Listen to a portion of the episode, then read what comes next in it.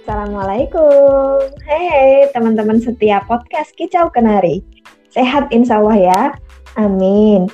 First of all, mari kita memberi reward kepada diri kita masing-masing karena kita sudah mampu bertahan sejauh ini, baik bertahan sehat, bertahan sembuh, atau bertahan waras. Kenapa? Karena pandemi ini jelas banget ya dampaknya. Nggak cuma ke kesehatan, tapi juga psikis kita.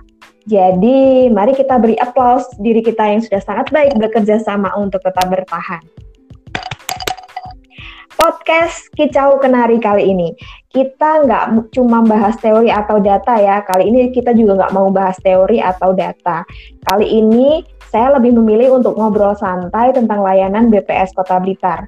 Ngomongin layanan aja ya? Iya dong, kita kan pelayan publik So, sesuai tusi kita, tugas dan fungsi kita, mari kita memberikan pelayanan sepenuh PIA, profesional, integritas, amanah.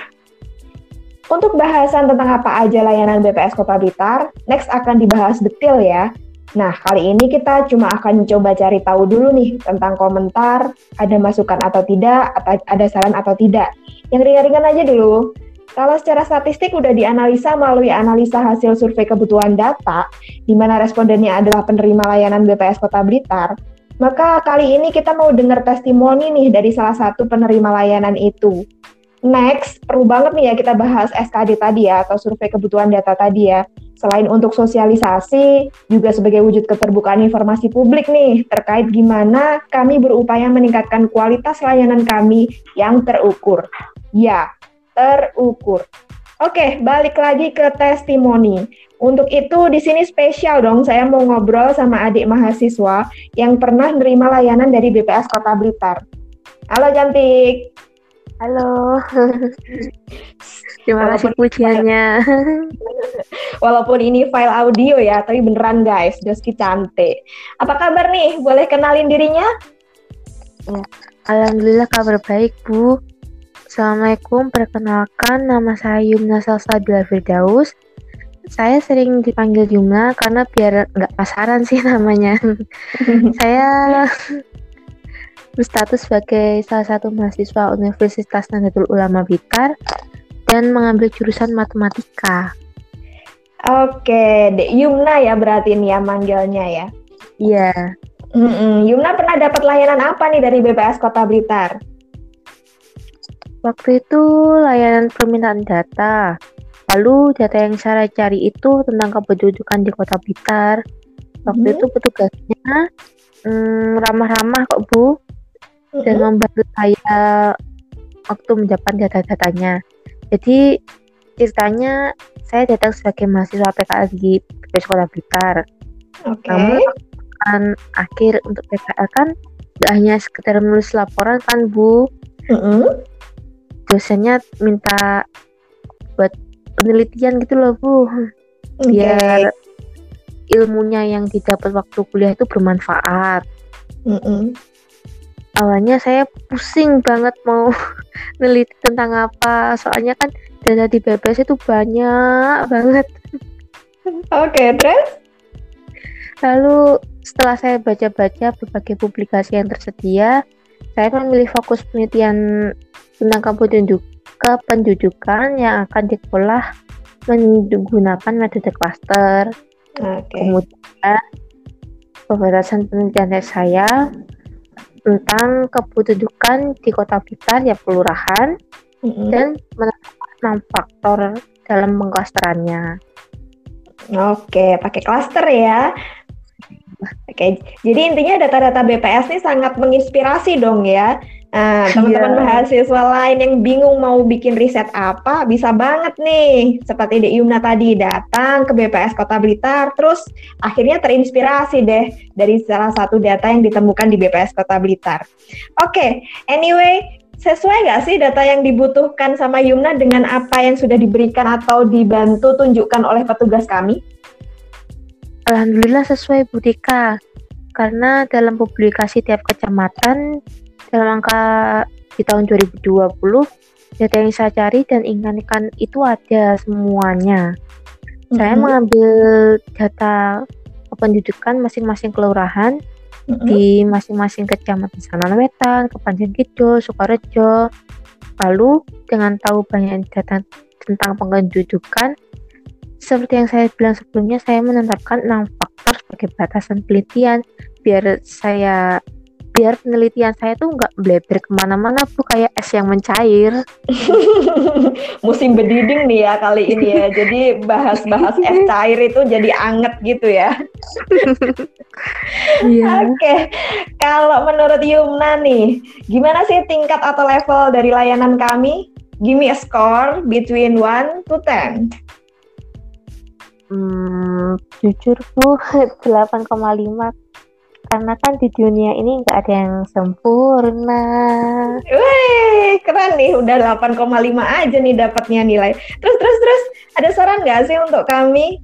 Pasti ada dong, supaya kami bisa lebih baik nih nantinya. Untuk saran saya lebih ke penempatan buku-bukunya, Bu. Karena hmm? waktu ke tempat perpustakaan ya Bu itu namanya. Mm -hmm, mm -hmm. Ya itu banyak buku yang kurang rapi menurut saya. Jadi kayak terpencar-pencar gitu loh Bu. Mm -hmm. Jadi agak mumet carinya. Oke, sebelumnya kami juga minta maaf ya, tapi bener banget nih PR nih buat kami yang belum kelar juga karena publikasi itu baru saja di sensus BMN nih, jadi agak berubah memang dari posisi awalnya. But anyway, itu masukan bagus banget ya, sebagai reminder kami lah ya juga untuk terus berbenah. Jadi nggak boleh memang dibiarkan seperti itu dengan alasan apa pun, karena ya itu tadi customer tetap harus nomor satu. Oke, okay, thank you ya. Iya. Terus nih, kalau diminta tolong nih nyebutin layanan apa yang buat Yumna itu, menurut Yumna itu butuh banget gitu, dan urgensinya itu tinggi untuk dilakukan oleh BPS. Karena Yumna kan nih dari akademisi nih ya, jadi yeah. bisa disampaikan uh, apa-apa layanan yang dibutuhkan oleh mahasiswa nih mewakili teman-teman mahasiswa yang lain. Karena kami kan juga butuh tahu nih ekspektasi dari teman-teman mahasiswa nih apa. Nah, agar keberadaan BPS ini bisa lebih berarti dan lebih manfaat lagi. Gimana nih? Hmm, karena saya mahasiswa matematika, pastinya kan ada matkul statistika kan Bu. Mm -hmm. Dan dosen saya itu pasti mau mahasiswanya buat walaupun itu sederhana. Oke. Okay. Menggunakan metode yang telah dipelajari di matkul itu. Mm-hmm. Kemudian saya pernah dengar itu Bu, beberapa teman saya ada yang ingin melakukan peramalan.